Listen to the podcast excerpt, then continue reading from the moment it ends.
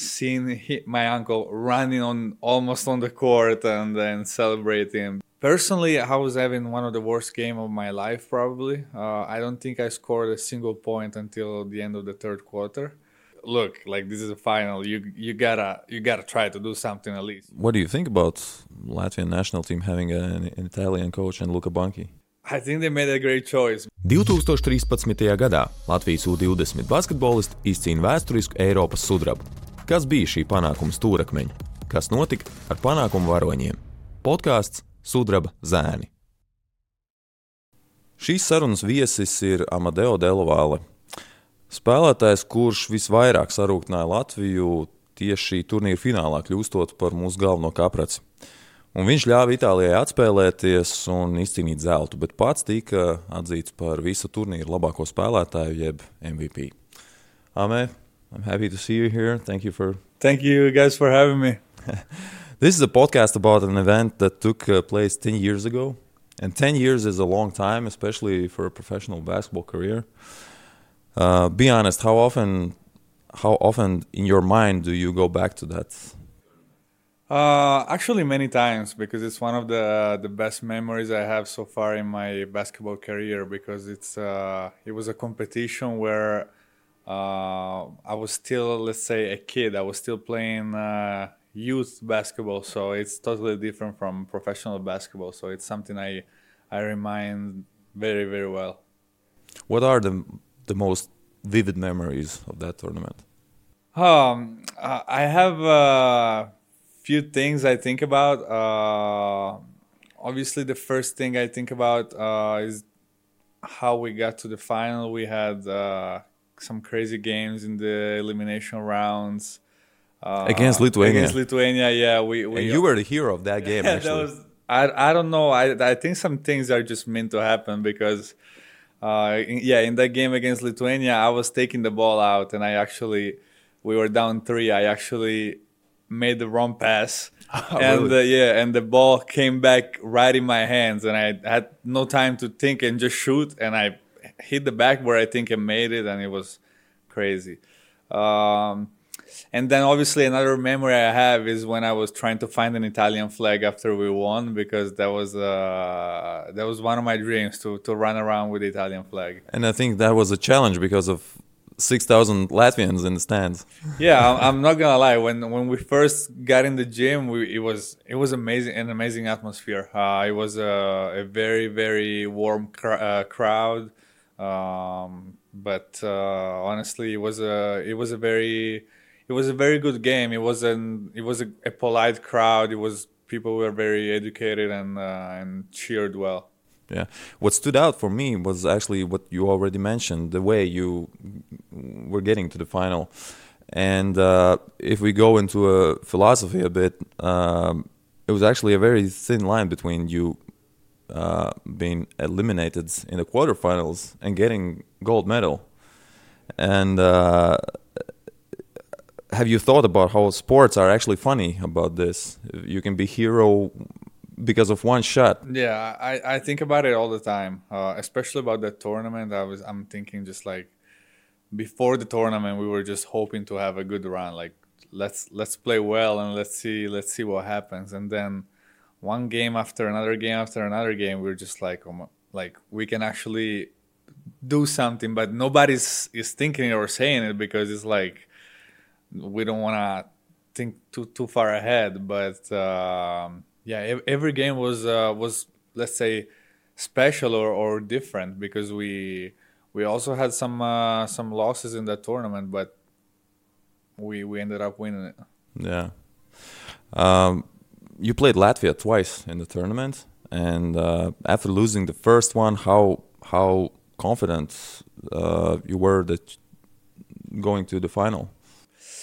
Honestly, I, I was or I was already happy that we were gonna get a medal. Uh, that it was worst case scenario the silver medal. So I didn't really put too much thoughts into what are we gonna do, are we gonna win, are we gonna lose. I was just so happy no matter what. But then when we when the game was uh, was on the line, we were down some points, and we we could actually see that it was a an even game. I I, I started like to think like maybe we can actually do it. How how how surprised you were with uh, Latvia going to the final?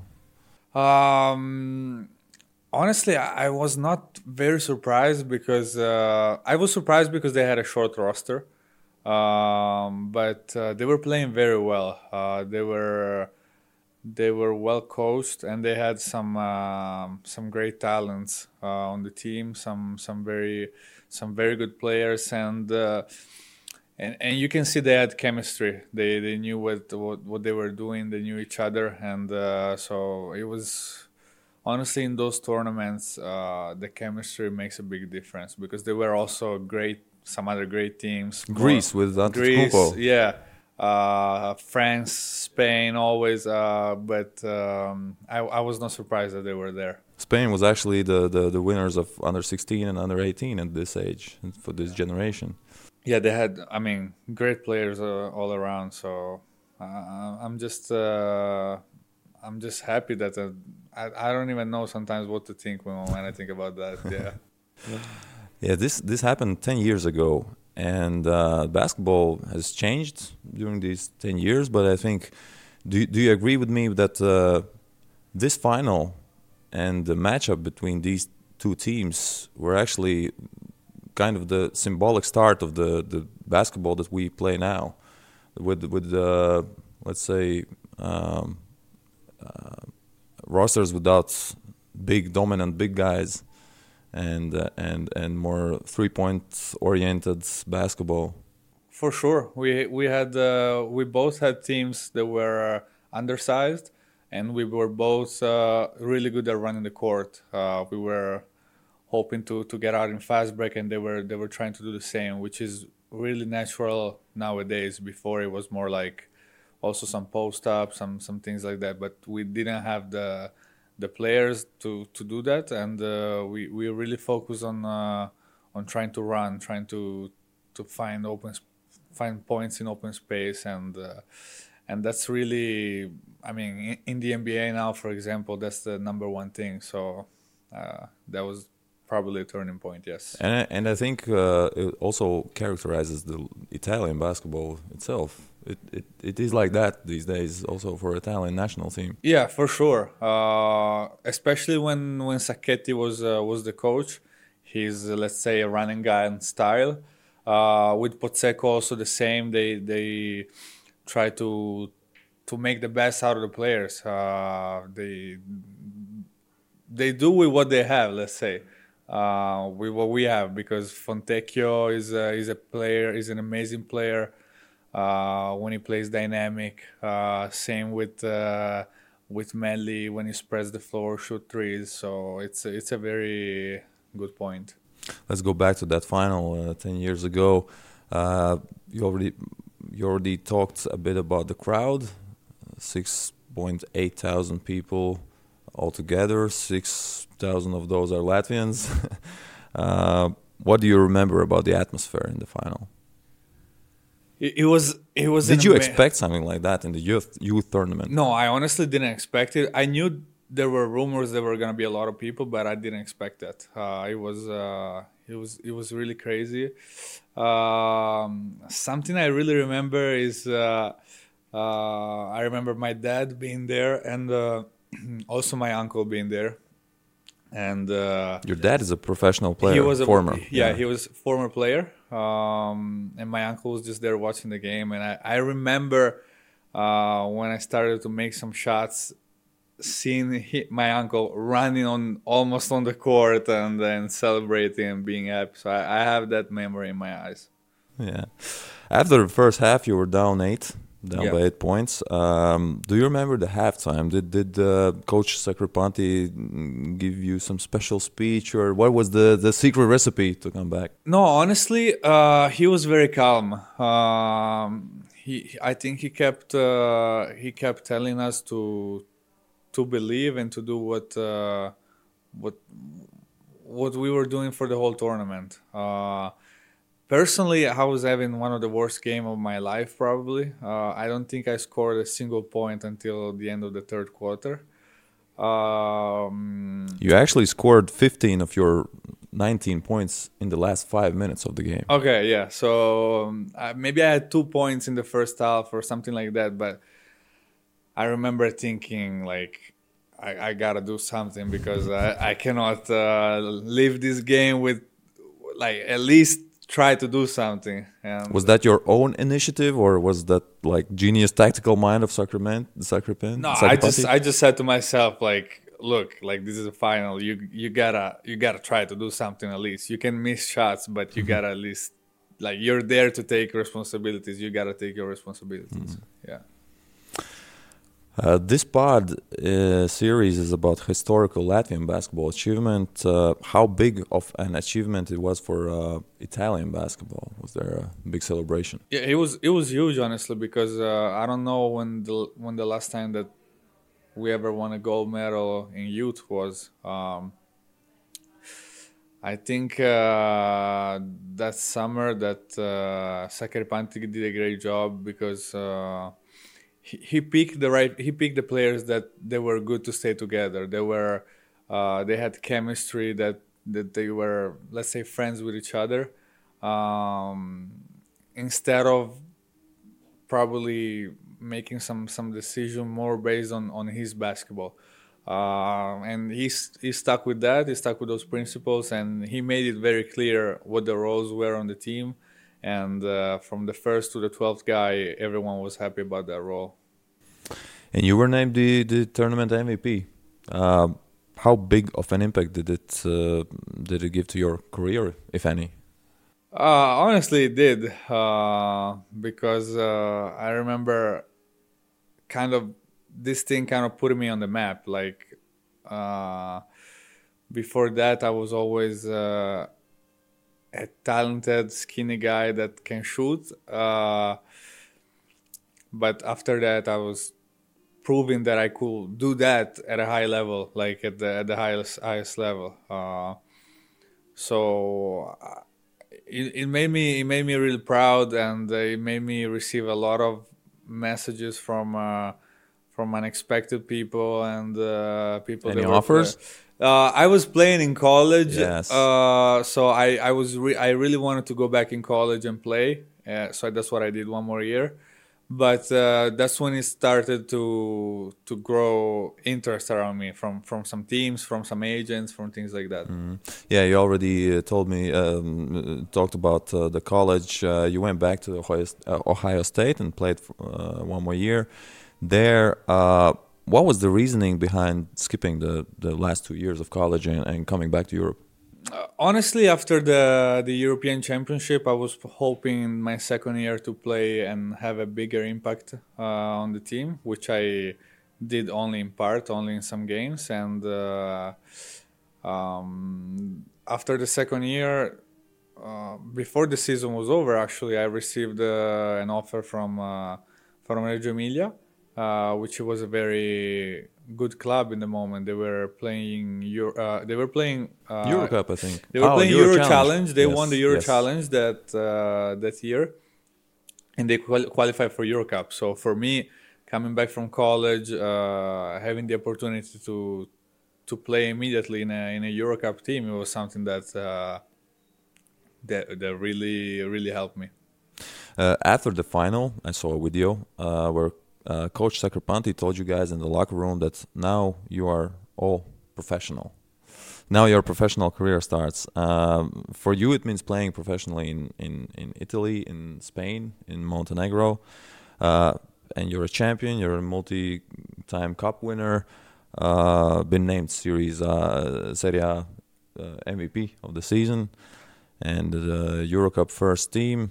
Are you satisfied with the way your career has turned out in these 10 years? Well, I'm satisfied for sure. I've, I've been uh, I've been lucky enough to to share the court with some uh, some amazing players, uh, to know some great cultures around the world, to and to to play in the in the most beautiful arenas of, of all Europe. But uh, I think that what makes the difference from this compared to the uh, under 20 European Championship is that there is no money involved in that. So it's just like uh, Pure joy, like pure joy. It's just Yeah. pure basketball. There is no money, no contracts. You cannot pick this or that. You you just have the players that you have, and and that's it. Mm-hmm. As for national team, you've been a member of senior national team uh, on more than 70 occasions. Uh, for us Latvians, Latvians playing uh, in a national team is a very big thing.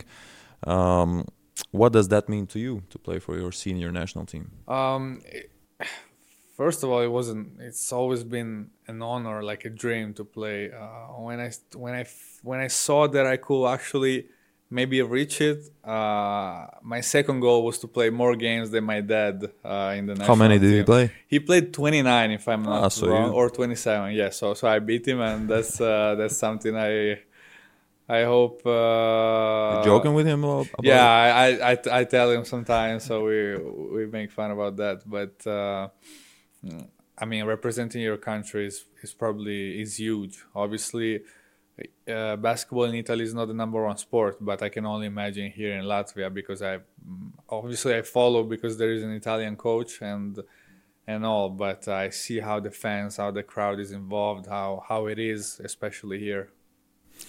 Um, what do you think about Latvian national team having an, an Italian coach and Luca Banchi?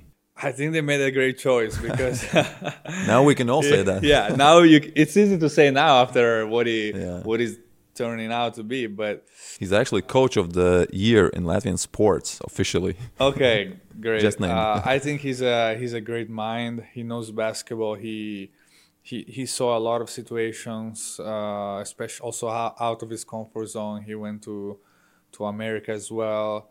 Um, I think I think Latvia is a is a very dangerous team. I think that uh, it was a it was it was bad that they weren't in the in the European Championship because they they can be really good. They have uh, they have talent, they have size, they have athleticism. They they are very fun to watch Yeah, the, the good thing is that we are in the World Cup this year. for sure. Italy is also in the World Yeah. Cup.